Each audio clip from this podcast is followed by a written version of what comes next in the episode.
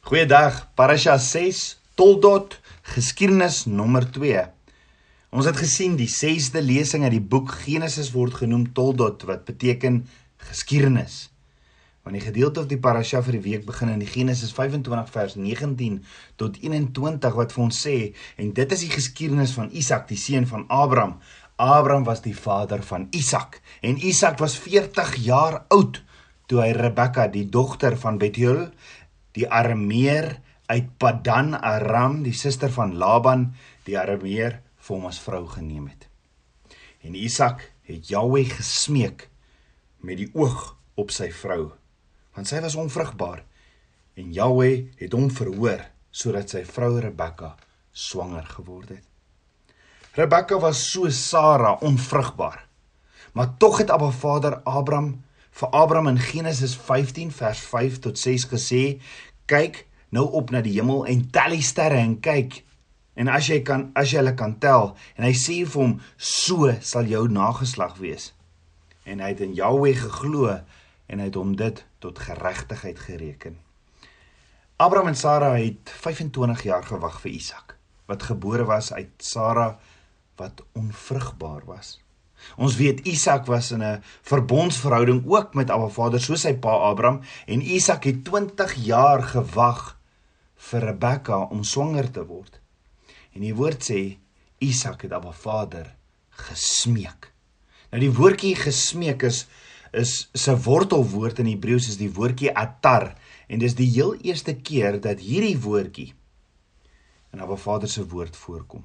Atar wat dan beteken hierdie pleit of smeek dan kan kry ons ook die woordjie atar in Eksodus op verskeie plekke. Onder andere in Eksodus 8 vers 8 wat sê toe het Farao Moses na Aaron laat roep en gesê bid tot die Here dat hy die paddas van my moet van die volk van my en die volk moet wegneem nou hierdie woordjie bid is is is vertaal van die woordjie atar wat ons weet beteken pleit of smeek.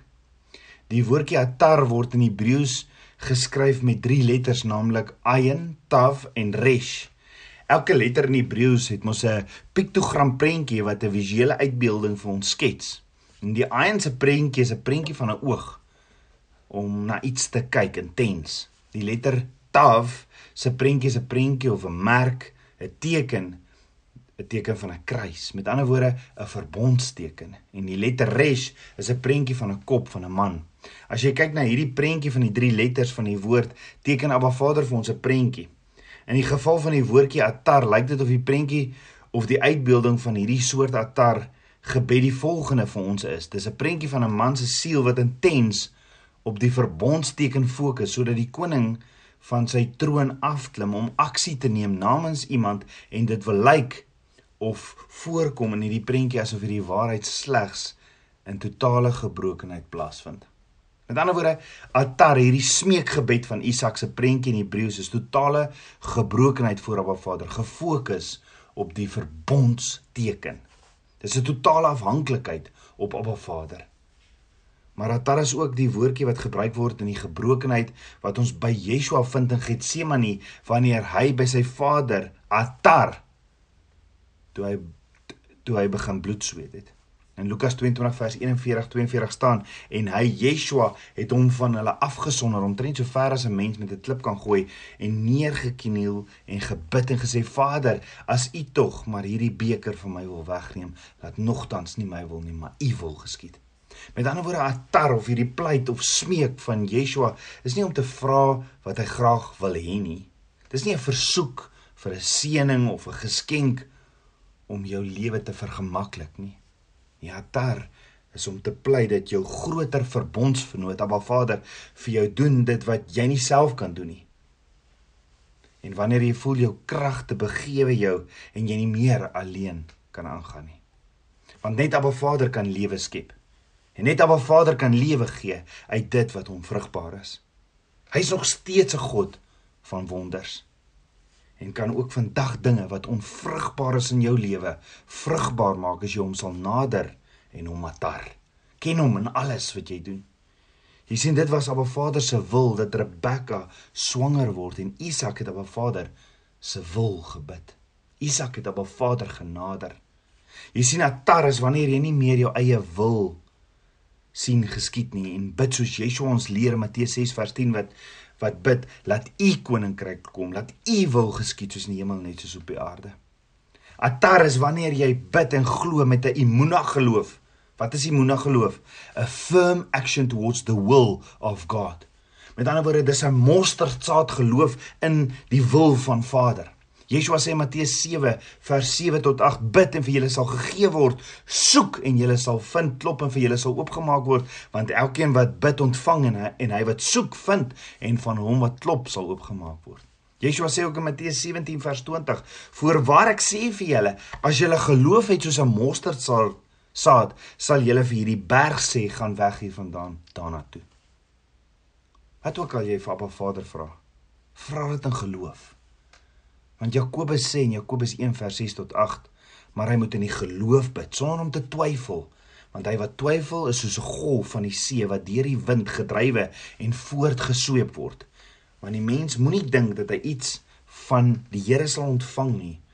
So 'n dubbelhartige man, onbesteenig in al sy weë.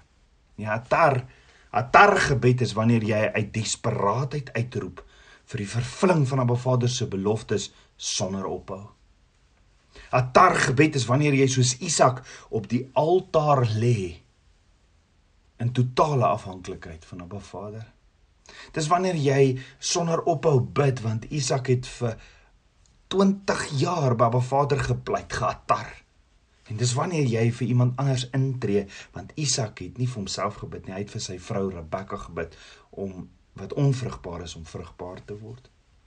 Maar voor ons verder gaan, Dink gou daaroor. Wanneer laas het ek en jy as mans van ons huise so vir ons vrouens gebid? Hoekom nie weekliks nie? Oor gegawe Vader het Isak se gebed verhoor en hy het vir Rebekka geseën met 'n tweeling. Dit laat my dink aan 'n paar jaar terug toe ek in 'n Bybelstudie groepie sit by die werk en 'n man vir by die kantoor loop en Abba Vader het op my hart sit om vir die man te gaan sê binne 6 maande gaan sy vrou swanger wees. Nou dis nie so maklik om na iemand te loop met 'n spesifieke tyd wat Abba Vader vir jou gegee het nie. Tyd gekoppel aan dit nie. Ek het oor en oor gebid en gevra Vader, waarlik, is dit is dit van U hierdie? Is hierdie U woord? Regtig Abba, moet ek dit vir hom gaan sê? Sy vrou gaan swanger wees binne 6 maande? En ek het soos Gideon, Abba Vader oor en oor gevra vir bevestiging en na die Bybelstudie toe asof is dit asof ek 'n 'n drafstapie maak na die persoon se kantoor toe waar hy toe sit en werk. Let wel, ek het 'n drafstapie geneem want want ek het geleer hoe langer jy wag om vir iemand iets te sê wat Abba Vader vir jou sê, hoe moeiliker raak dit. Ek het by die persoon se kantoor ingeloop en gevra of ek iets gou met hom kan deel. Hy het gesê ja, asseblief. En ek het by sy kantoor deur ingestap en die deur agter my toegetrek en voor hom gaan sit en gesê: "Ek ken jou nie baie goed nie. Maar toe jy nou verbystap en ons is in hierdie Bybelstudie groep het Alva Vader direk met my gepraat. Hy het sopas vir my gesê om vir jou toe kom sê jou vrou gaan oor 6 maande, binne 6 maande swanger wees." Die persoon het my so aangekyk en en die trane het begin rol. Die persoon het so gehuil, hy kon nie 'n woord uitkry nie. En ek het nie geweet wat om te doen nie. Ek weet nie wat gaan in sy lewe aan nie. Om na rukkie te hoor sy vrou het net die vorige dag 'n miskraam gehad. Ek het saam met hom gebid en later uitgeloop. En elke kort kort het ek die persoon daarna by die kantoor gesien, maar nooit regtig weer met hom gepraat nie. Elke keer as ek hom gesien het, het ek net gebid, Vader, laat net U wil geskied asseblief. Asseblief Vader, ek wil nie. Ek wil nie 'n vals profeet wees nie, Vader, net U waarheid. Abba, ek spreek lewe oor hom. En tyd het verloop tot op 'n dag wat ons kantoorbestuurder my bel om hom te kom sien dringend in sy kantoor. En toe ek sy kantoor instap, toe sit die persoon met wie ek gaan praat het wat ek die woord voorgegee het, sy vrou en die kantoorbestuurder en kyk vir my. Ek sal nooit ooit hulle gesigte kan vergeet nie. Die persoon het vir my vertel hoe hy en sy vrou elke dag op hulle yskas die dae afgetel het op 'n kalender vandat Abba Vader vir my gesê het om vir, om vir hom te gaan sê sy vrou gaan binne 6 maande swanger wees. Hulle het so gehuil daardie dag. Hulle sê vir my presies op die dag wat ek vir hom gesê het, presies 6 maande later op die dag. Dis die dag nou voor hulle daar by my sit, het sy vrou dokter toe gegaan om te hoor sy swanger. Nie met een nie, met 'n tweeling. Tabernakelskind van Abba, ons dien 'n lewende God. Hy is die God van die onmoontlike en net so kan hy vandag wonderwerke in jou lewe doen. Hoekom nie om nou atar en sy wil bid vir jou lewe nie? Jy sien Rebekka het swanger geword Genesis 25 vers 22 tot 27 sê en die kinders het teen mekaar gestoot binne in haar. En toe sê sy as dit so gaan, waarvoor leef ek dan? Daarop het sy gaan om die om Jahwe te raadpleeg en Jahwe het haar geantwoord: "Twee nasies is in jou skoot en twee volke sal vir mekaar gaan uit jou liggaam en die een volk sal sterker wees as die ander volk en die oudste sal die jongste dien." En toe haar dae vervul is dat sy moes baar, was daar 'n tweeling in haar skoot. En die eerste is gebore rooi, geheel en al soos 'n mantel van hare. Daarom het hulle hom Esau genoem. En daarna is sy broer gebore ter sy, terwyl sy hand die haksteen van Esau vashou. Terwyl sy hand die haksteen van Esau vashou. Daarom het hulle hom Jakob genoem en Isak was 60 jaar oud by hierdie twee kinders se geboorte en die seuns het opgegroei. Esau het 'n ervare jagter geword, 'n man van die veld, maar Jakob was 'n vredelewende man wat in tente gewoon het. Nou die woord sê die kinders het teen mekaar beklei binne in Rebekka. Toe sê sy: "As dit reg is so, hoekom leef ek?" Nou dink gou daaroor. Ons elkeen kan in vele opsigte met Rebekka se swangerskap identifiseer, is dit nie? Hoekom? Hoekom sê ek so? Want hier diep in ons binneste voer die gees en die vlees in ons dikwels 'n massiewe stryd. Elkeen van ons sit met 'n Jakob en 'n Esau in ons. Ja, ons het die geestelike potensiaal van Jakob om deur vertroue en gehoorsaamheid ons erflating in Yeshua in besit te neem en 'n lewe van oorwinning te leef. Nou Jakob was 'n sagte, vredevolle man wat in tente gebly het. Nou volgens Hebreëus beteken intent te bly om woordgehoorsaam te wees. Figuurlik gesproke het Jakob in die woord van Abba Vader gebly en Esau het 'n lewe in die veld buite die woord gekies wat beteken hy was woord ongehoorsaam. Nou kan dit wees?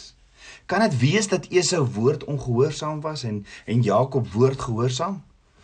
Want was die woord of Torah toe al geskryf? Nee, maar Abba Vader het direk met hulle gepraat. Hulle het volgens die woord van God gelewe. Soos Abba Vader daardie tyd met sy kinders direk gepraat het. Doen hy nie vandag ook nog nie? Ja, hy doen. Want Abba Vader verander nie. Hy's gister, vandag en môre dieselfde. Abba Vader praat vandag nog direk as ons hom net nader met alles. Hom ken in alles. Nou Rebekka, Esau en Jakob se mamma het egter die insaag of hierdie wysheid gehad om te verstaan dat die nageslag van Abraham woordgehoorsaam moet wees.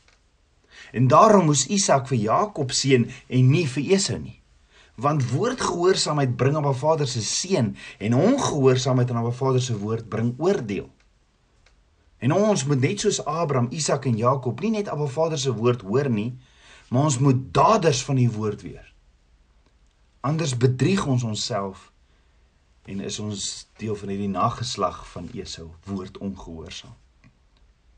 Jy sien, Abba Vader se woord moet uit ons hart en siel soos 'n fontein uitborrel. Abba Vader sê Abraham is geseën omdat hy na my stem geluister, my ordeninge, my gebooie, my insettinge en my wette onderhou het. En die vraag is, sal ek en jy? Kom ons bid saam. Aba Vader, koning van my hart, Vader, ek wil U loof en ek prys. Vader, meer en meer van U, ek wil U stem so duidelik hoor. Vader, en ek wil U gehoorsaam. Ek wil U shema met my hele hart. Vergewe my my ongehoorsaamheid en was my met die waterpad van U woord. Meer en meer van U. Ek bid dit alles in Yeshua Messie se naam, die seun van Jahweh. Shalom.